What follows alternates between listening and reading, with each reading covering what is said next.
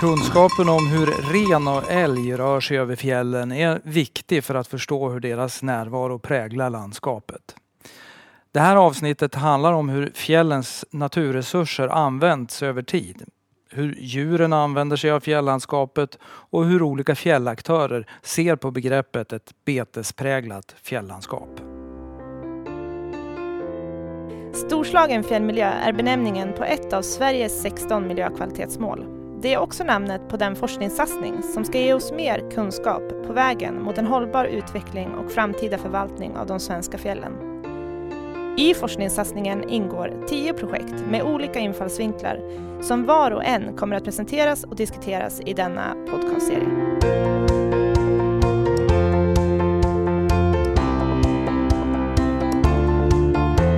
Miljömålet, en storslagen fjällmiljö, har kritiserats ända sedan det antogs 1999. Kritiken handlar bland annat om att målet är otydligt och att det saknar konkreta delmål. Nu finns ett förslag till en strategi från Naturvårdsverket som går ut på att tydliggöra och stärka arbetet med att uppnå miljömålet.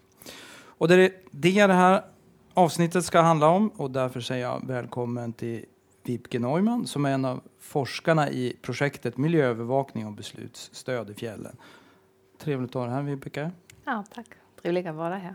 Vi kommer strax in på din forskning. Du får eh, ge dig till tåls så ska vi snart eh, in på den. Jag ska också säga välkommen till Annika Lundmark som är eh, miljöövervakare på Länsstyrelsen. Välkommen. Tack så mycket. Du är miljöövervakare. Vad gör man då? Ja, miljöövervakning handlar ju om att följa tillståndet i miljön och beskriva eh, förändringar som vi kan se både långsiktigt och även kan man använda miljöövervakningen som en varningsklocka för att upptäcka nya hot som vi har. Um, om vi tittar på det vi gör i fjällen så um, följer vi bland annat utvecklingen av fjällvegetation. Vi tittar på vattenkvalitet i sjöar och vattendrag. Nedfall av luftföroreningar till exempel. Mm, bra.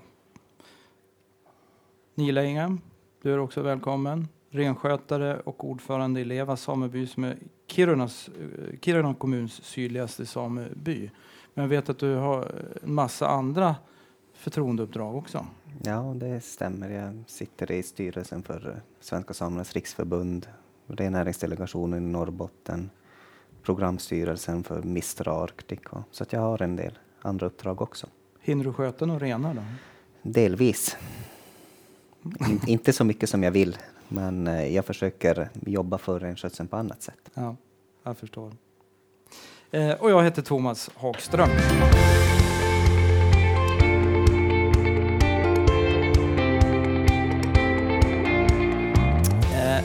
Vilke, om vi börjar med dig. Om, om, du ska beskriva det här delmålet ni har forskat kring, vad, vad handlar det om? Vi har äh, kollat på etappmålet Ett betespräglat landskap som är formulerad i fjärrstrategin och uh, vi har utvärderat den uh, från olika perspektiv, biologiskt, ekologiskt och socialt. Och eh, vi har en fråga var hur mycket man kan använda eller kan man använda miljöövervakningsdata som beslutsstöd.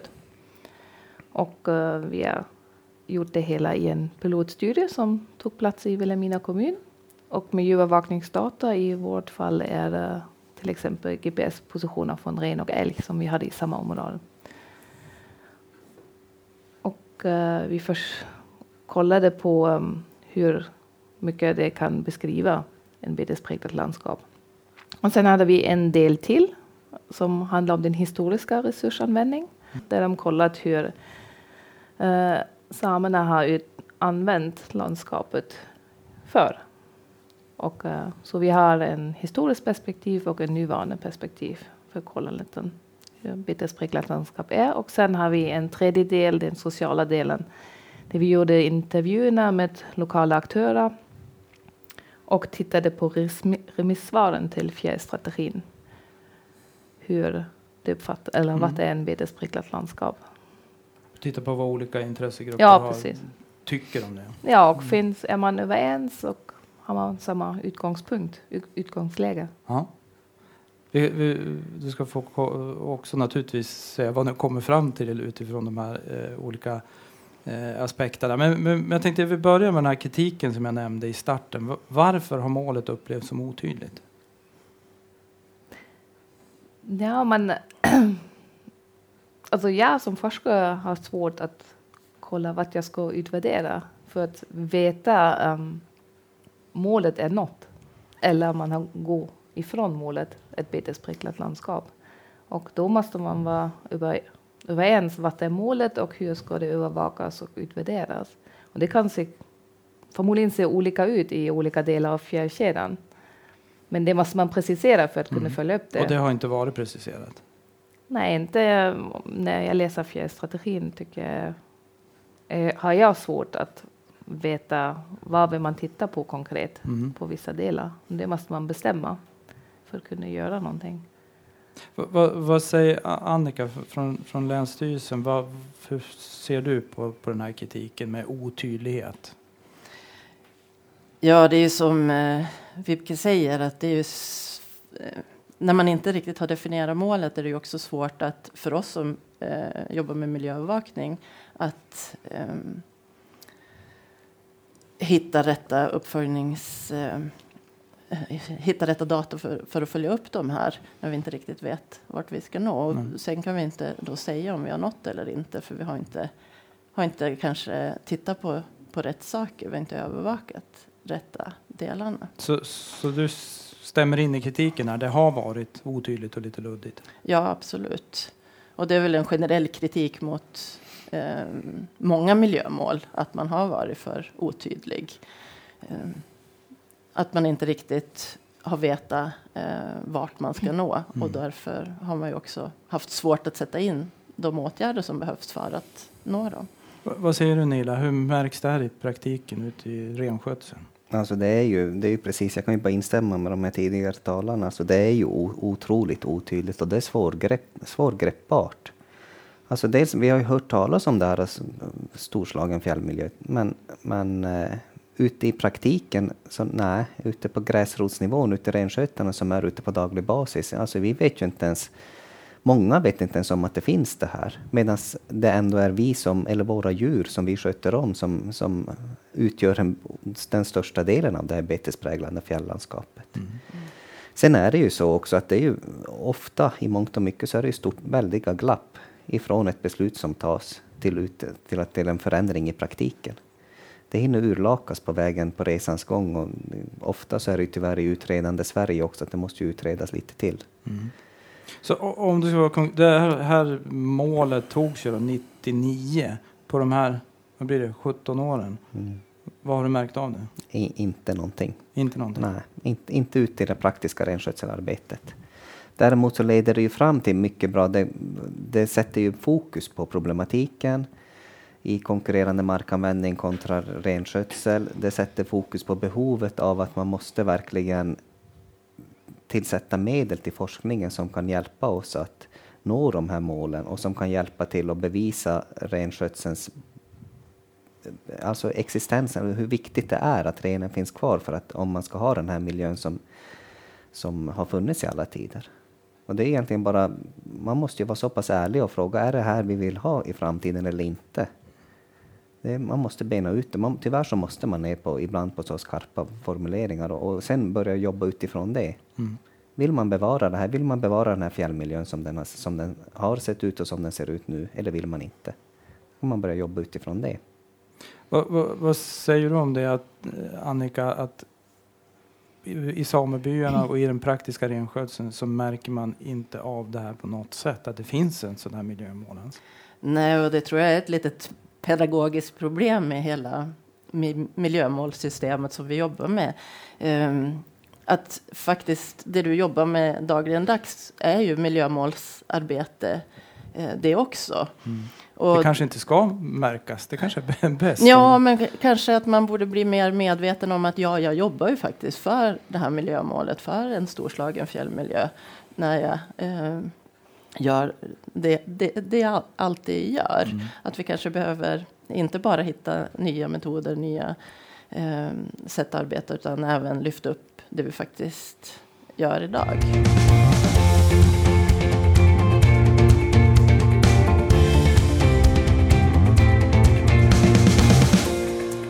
Vad säger du Vilke, alltså om man ska beskriva syftet med att ha ett så tydligt nu då, eh, forskning kring ett betespräglat fjälllandskap. Va, va, vad är syftet med det? Att ni har kikat på det här? Ja, för att uh, komma kun, att man kan komma ett steg vidare, att man kanske kan ta det nära på, eller vad, vad skulle behövas för att ta det ner på lo lokal nivå? Alltså vilka, vilken information behöver man? Eller vilken process behöver man att nå mm. dit? Så det, det är i huvud, huvudsyftet är att få fram ett bra beslutsunderlag för till exempel Annika och andra som, som jobbar på beslutsnivå och övervakningsnivå?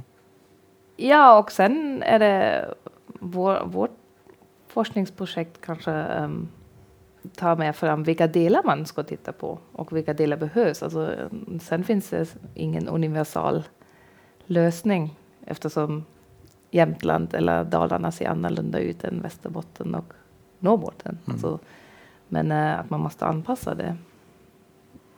Men att man vet man de delarna äh, kan vara bra att titta på eller ta med. Alltså att man måste ha en liten struktur hur man mm, går fram.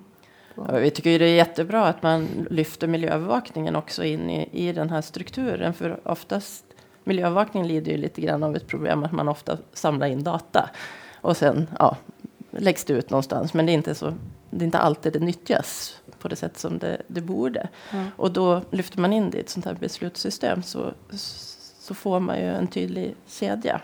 Jo, men... Sverige samlar in mycket data. Alltså, mm. Det finns mycket data. Alltså, det är synd om det inte används. Och det måste man kanske delvis uh, en liten...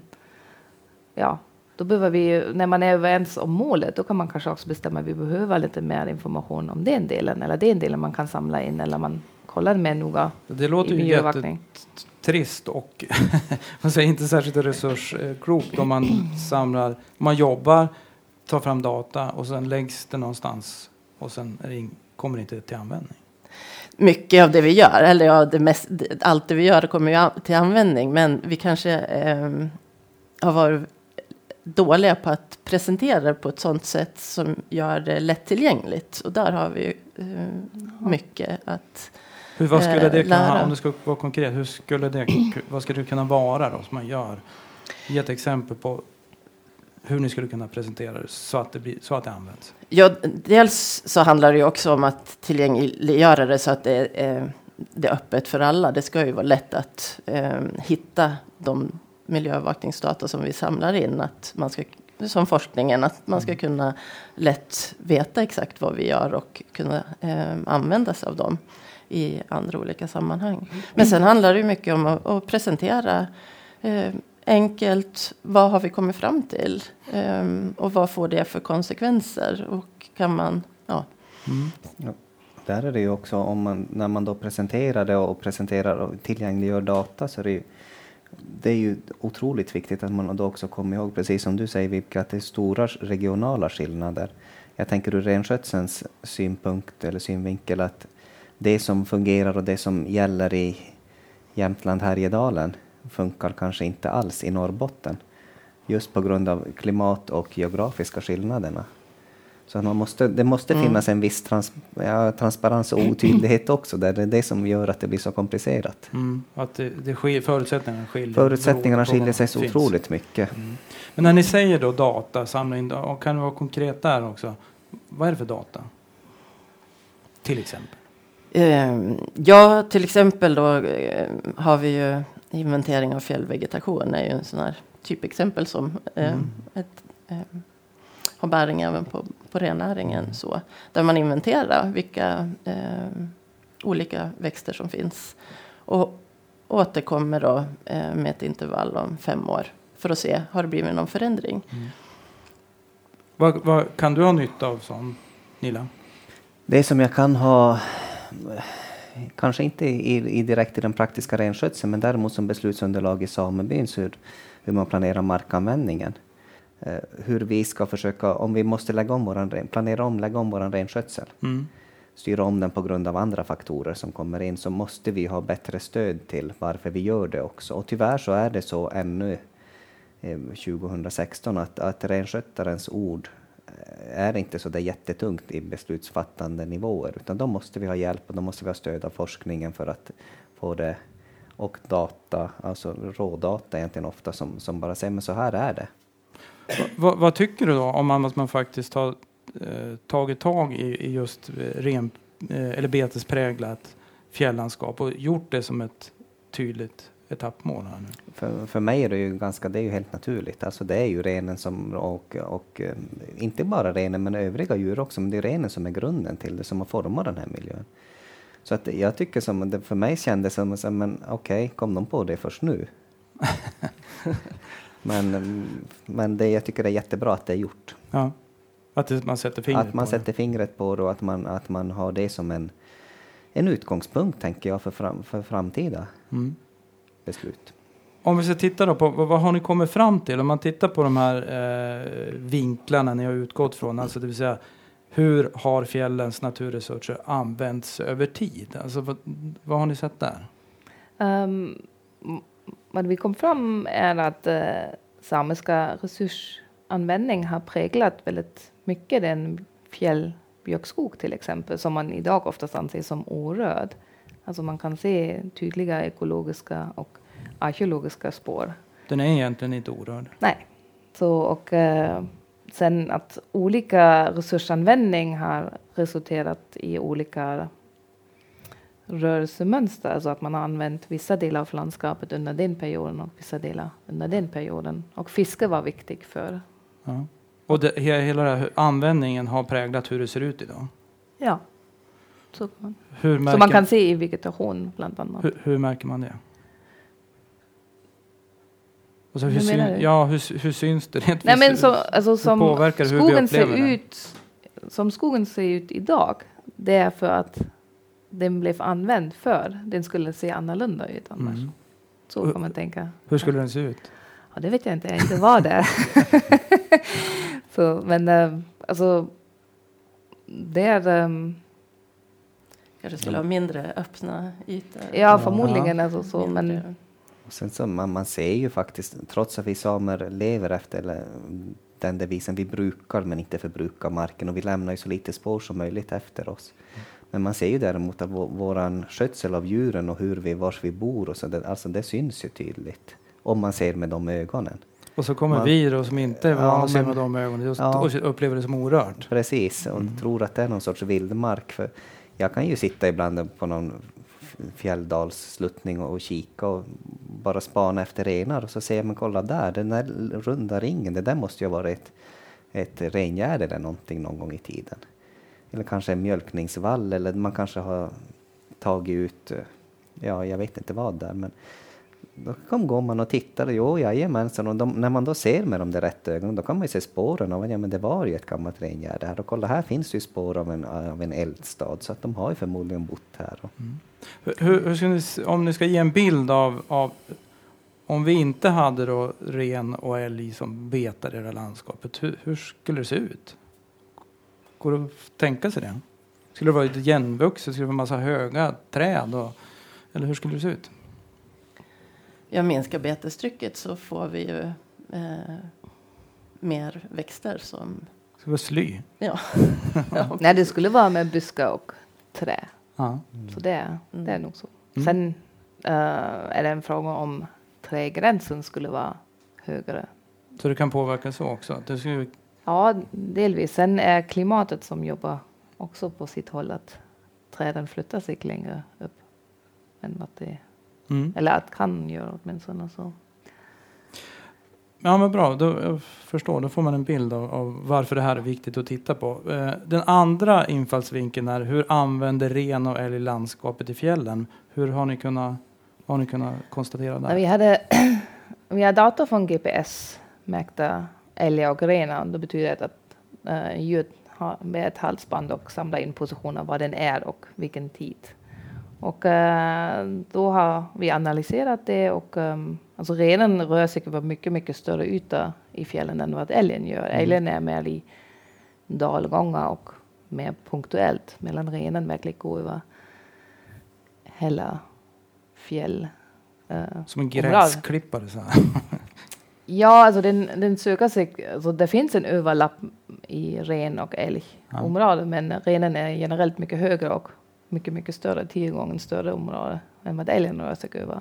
Och det betyder att den kan använda eh, området på något annat sätt. Och sen är det många fler djur också. Alltså en älg äter mycket, men mm. ändå är det flera hundra eller tusentals eh, renar. De äter förstås mycket. Va varför är det här viktigt att ha koll på? Hur, hur, de, hur ren och älg använder sig av landskapet?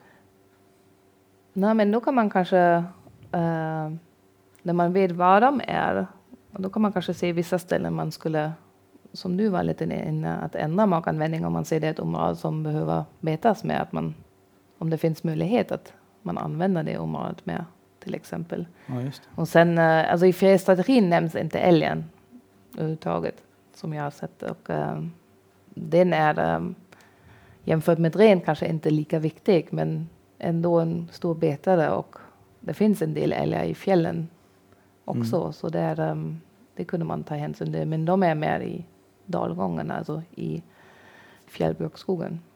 Känner du eh, Neil att alltså det är viktigt att ha koll på det där? Hur, hur rör de sig och var befinner de sig? Mm. Men så är det men det är ju, dels så är det ju så att renen följer ju sina traditionella historiska, alltså de nyttjar markerna som de alltid har gjort med smärre förändringar på grund av andra förutsättningar, men de håller ju sig till samma marker i alla fall hela tiden för det mesta.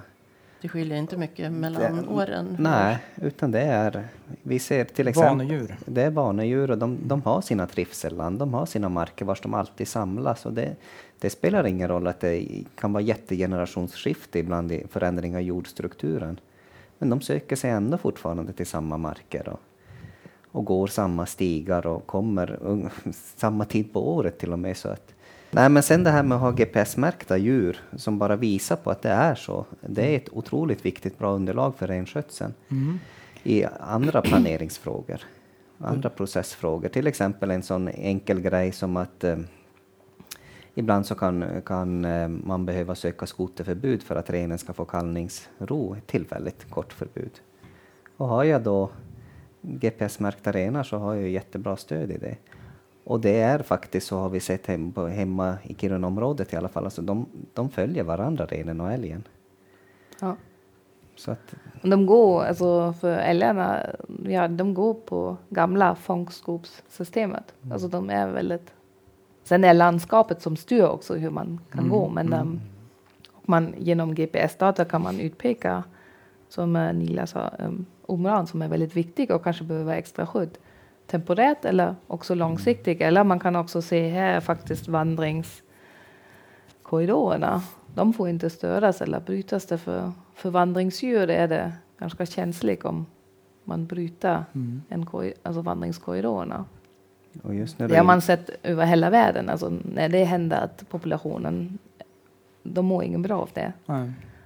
Och just när du är inne på de här vandringsstråken, alltså för renen är det ju så, nu är det väldigt fokus på fjällen, men, men om inte renen har tillgång till sammanhängande mm. årsbetesland, alltså vinterbeten, höst och vårlanden, så, så kommer den inte till fjällen heller. Ja. Och då är det slut med det. Så att det, man måste se det hela sammanhanget i ett vidare perspektiv. Om, om renen inte klarar vintern till exempel, ja, men då finns det ju ingen ren som kommer upp till fjällen på våren och sommaren och betar. Och då är ju förändringen ett faktum direkt. Mm. Och det här är ju jätteintressant att titta på ur ett längre perspektiv om man nu tittar på förändrat klimat där man då kan förvänta sig att kanske även eh, renarna rör sig lite olika mm. eller på ett annorlunda sätt. Att man då kan jämföra ja. med hur det ser ut idag så man tydligt kan se de här förändringarna.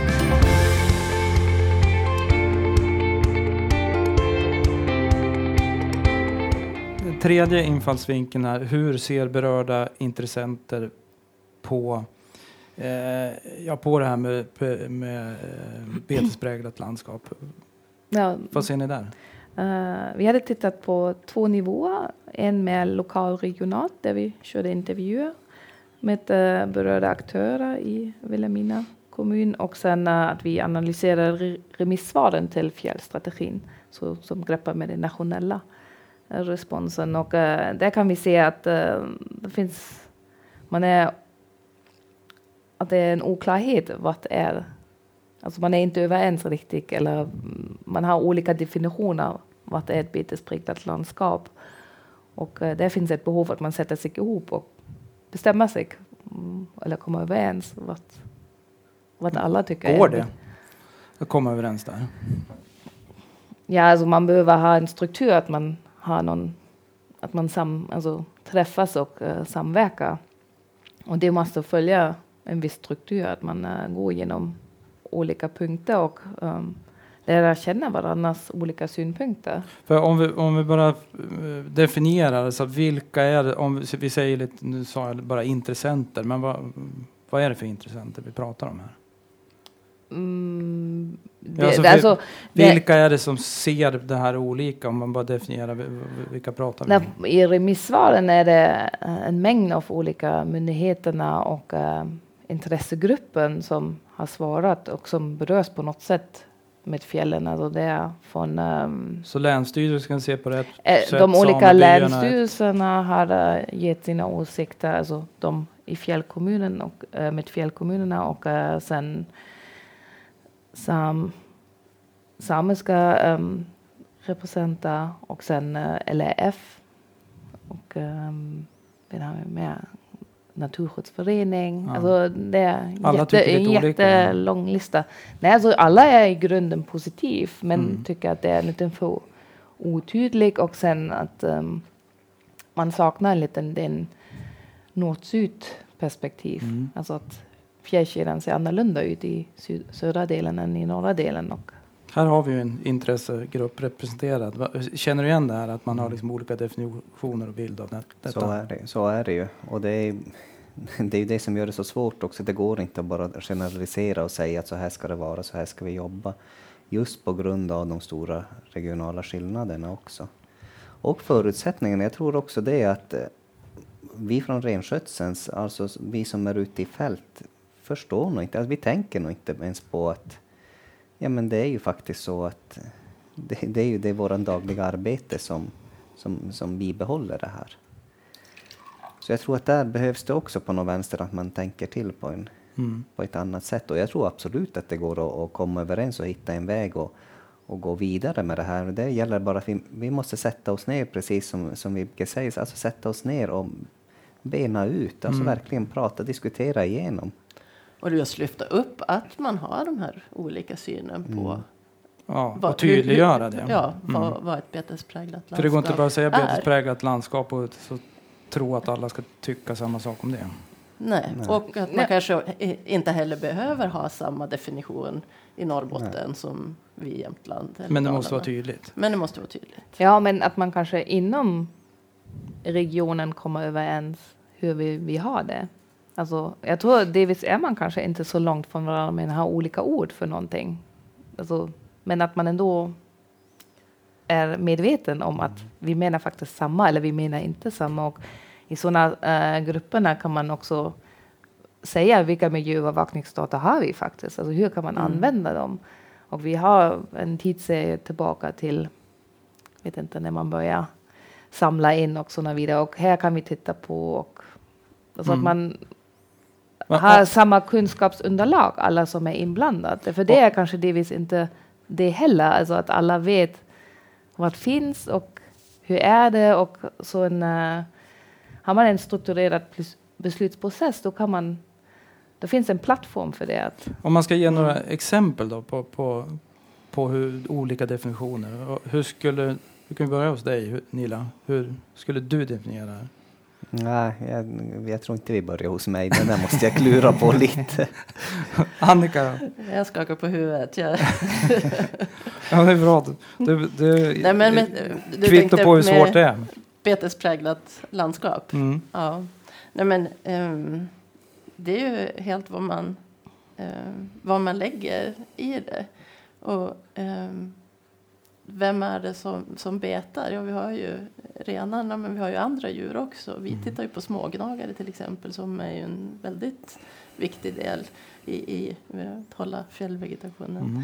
nere. Eh, och sen, sen har vi våra fäbodbruk eh, där vi också har betande. Så det är klart att det finns ju jättemånga Mm. Ja, aspekter är att plocka in i den där definitionen. Ja, nej, men så, för, för det är som du säger, det finns ju andra än, än renar och älgar som, som betar och påverkar fjället. Så Mm. vi ska ta och lyssna på en fråga från Christian Olofsson som har ett litet annat perspektiv på det här.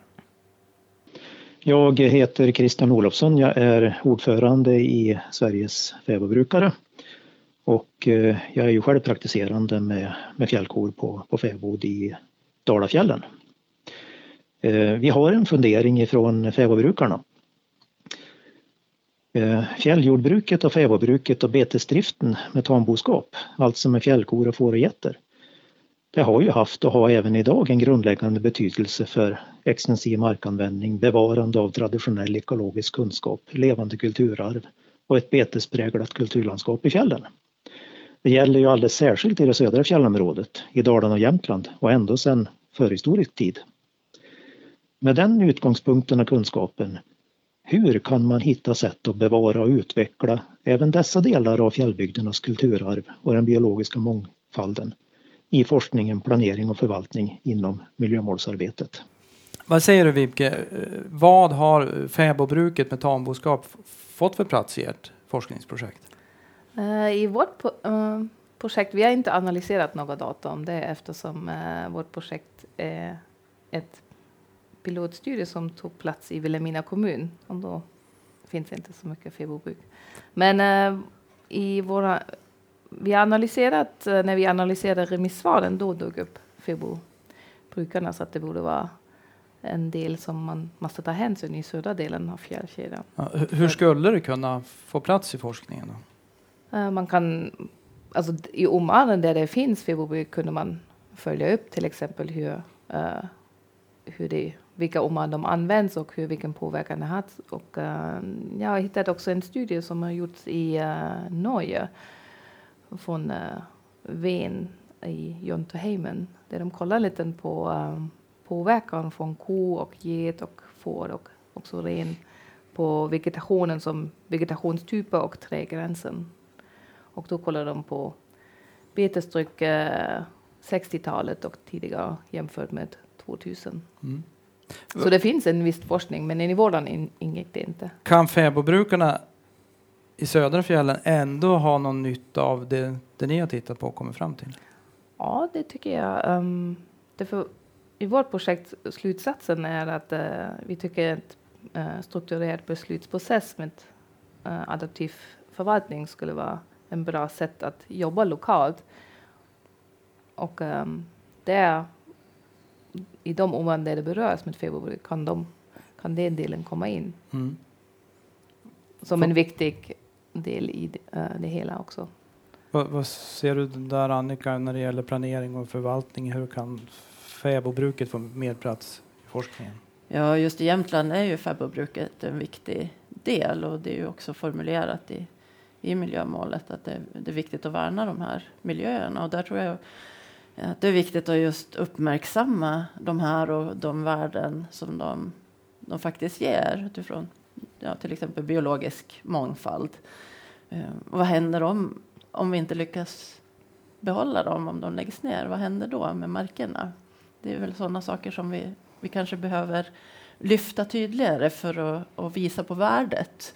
Um, och då se hur, hur, ska, hur, ska, hur, man ska, hur ska man förvalta den här resursen på sikt? För det är ju Ja. ett problem att um, de, de, har, de har det inte så lätt. Så. Och det är generationsskiften på gång. Och Mm. så, eh, så det är mycket det är stora utmaningar.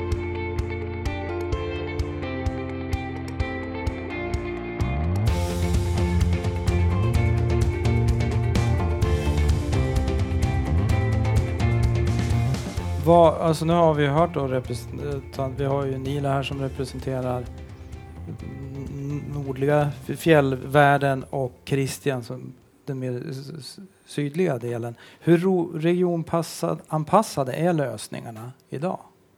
Skulle ni säga? Tystnaden sprider sig. Ja, ordet är fritt. I, inte alls, skulle väl jag säga. Inte alls. Nej.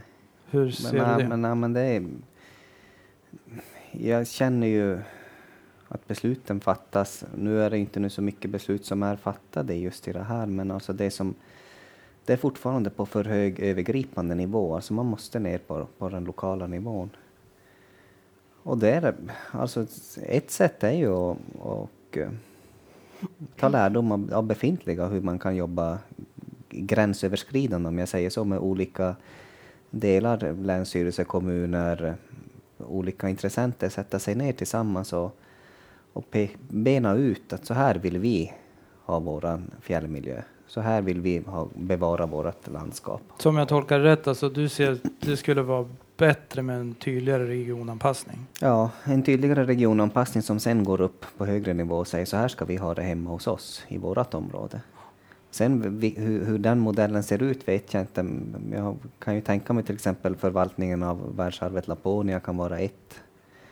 Hur de jobbar inom det här Laponia Tjotjodus, hur, de, hur deras arbete fortskrider. Om du kort ska beskriva det för de som inte känner Ja, men där har du, de har en förvaltningsmodell för hela världsarvet Laponia där de sitter med länsstyrelsen, kommuner, samebyarna, STF, turister, ja men alla möjliga mm. intressenter och de sitter och varje beslut som ska fattas måste vara i konsensus och det kan ju innebära ibland att man får brottas flera dygn innan man är det. Men man fattar ett beslut som alla är eniga om i alla fall. Det känns ju som vägen att gå.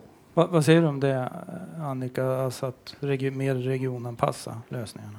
Ja, det tror jag är en nödvändighet för att man ska kunna känna att man, som vi pratade om i början, att faktiskt miljömålsarbetet är ju någonting vi jobbar med och att fokusera de åtgärder som behövs för att nå målet så skiljer det sig ju definitivt åt mm. mellan södra eh, fjällen och norra. Ganska stora skillnader. Det är väldigt stora skillnader.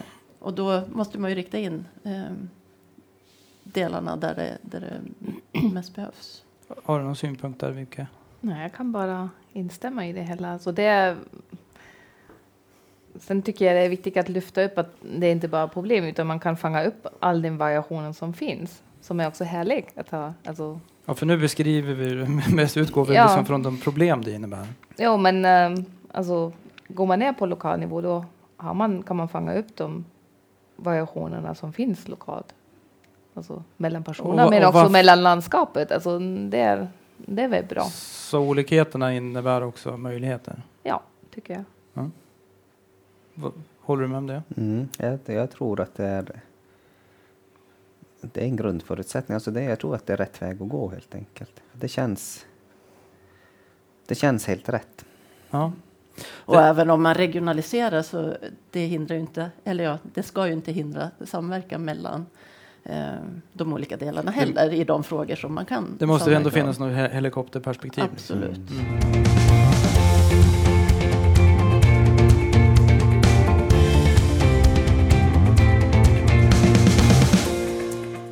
Va, va, nu, nu, avslutades ju det här vid årsskiftet, just ditt projekt. Ja. Eh, vad hände nu? Um, vårt projekt, alltså, det var inte bara jag som jobbade i projektet. Nej. Uh, den har gått vidare och uh, tillsammans med två andra projekt från den första fasen och uh, heter Grön översiktsplan där man försöker på lokalt nivå att tillämpa så en uh, kunskapsbaserad och inkluderande beslutsprocess.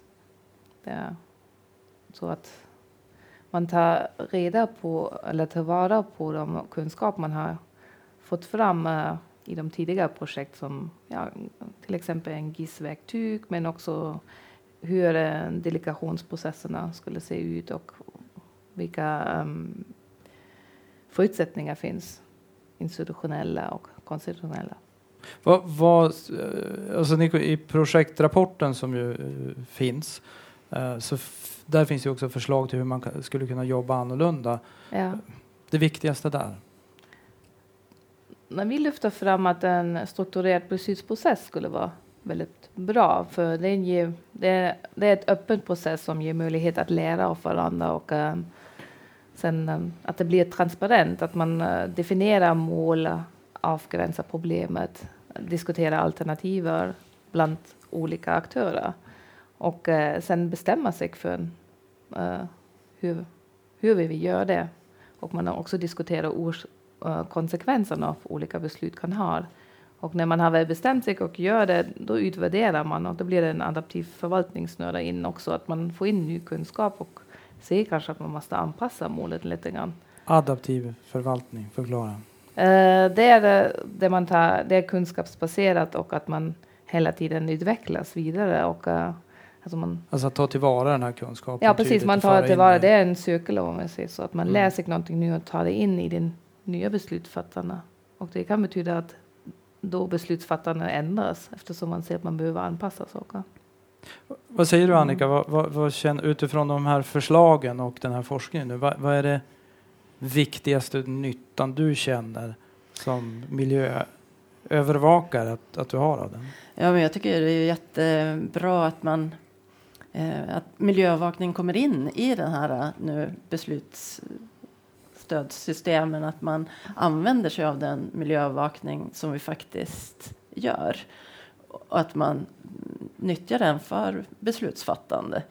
Så det är ju eh, det är ett bra forum mm. att, att, eh, Känner du att att... det vi gör. Och sen handlar det ju också om att anpassa den miljöövervakning som vi gör.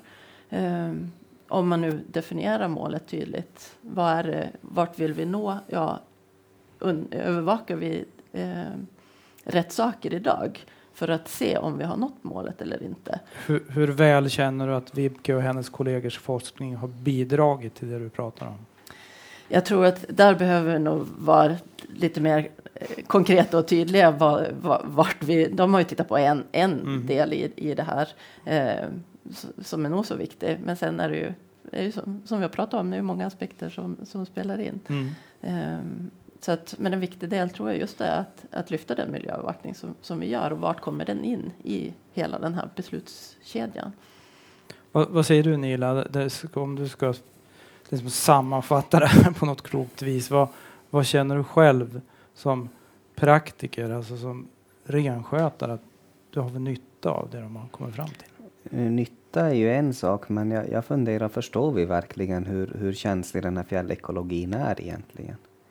Alltså, tänker man på det nere på alltså gemene man, alltså på daglig basis, vi som är, lever och verkar i de här områdena?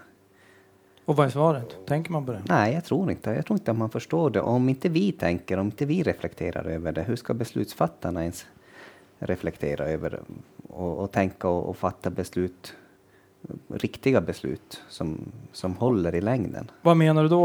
Och som ska vara mer om, om inte ni tänker på det, vad, vad får det för konsekvenser?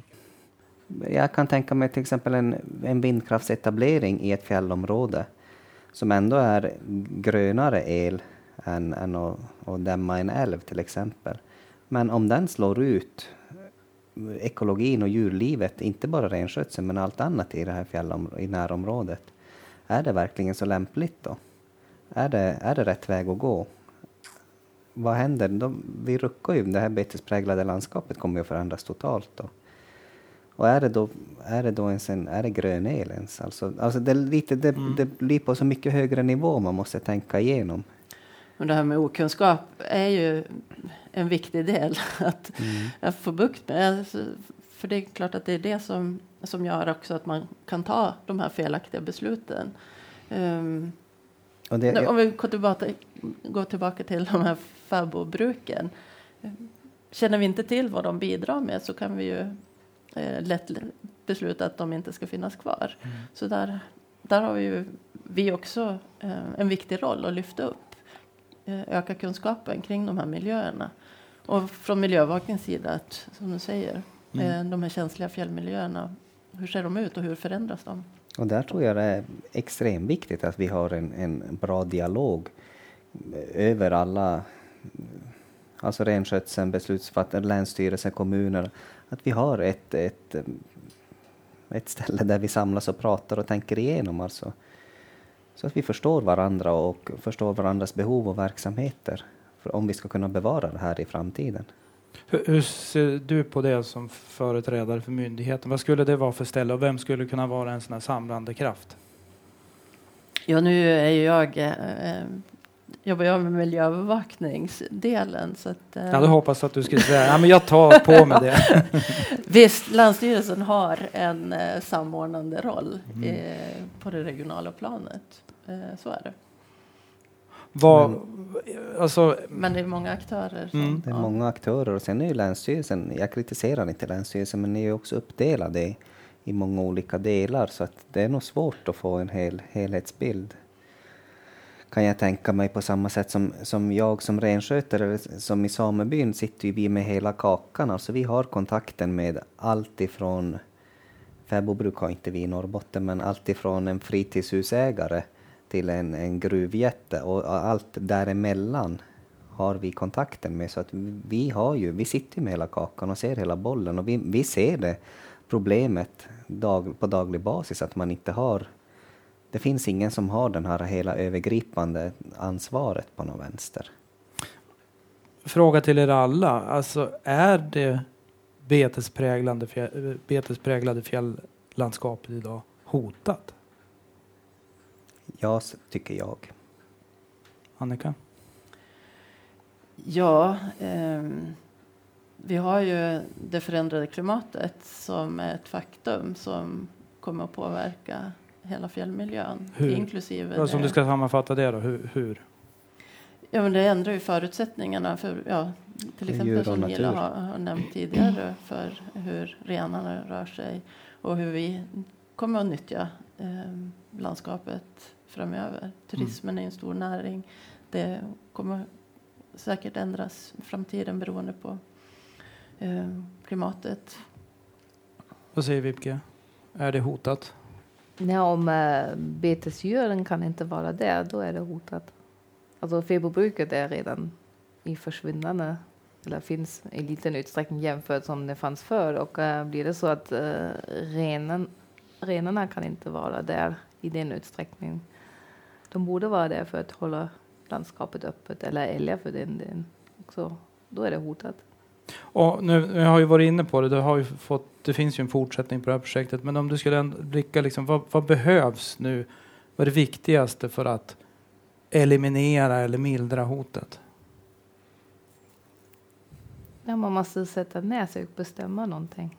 Alltså, eller ja, definiera vart, vart vill vi nå Mm. och hur vill vi nå och hur vill vi övervaka det. Ja. Och eh, sen besluta någonting och utvärdera. Vad säger Annika, alltså fokus för forskning i framtiden för att eliminera hotet? Ja, men det är väl att lyfta upp alla de här uh, olika delarna som, som påverkar den här miljön. Vi har ju, eh, vi har ju nämnt några idag, eh, men vi har ju ja, just hur, hur, hur får man den här helhetsbilden över eh, den ökade turismen i fjällen, rennäringens behov. Eh, ja, det är jättemånga olika aspekter. Eh, att ta hänsyn till. Så det är jättebra att försöka samla det här och se hur kan, hur kan man Mm. eh, samverka eller nå någon slags väg framåt genom alla de här olika intresseområdena som finns. Vad säger Nila? Om liksom fokus för fortsatt forskning. Har du något tips? Samla och konkretisera och samarbeta.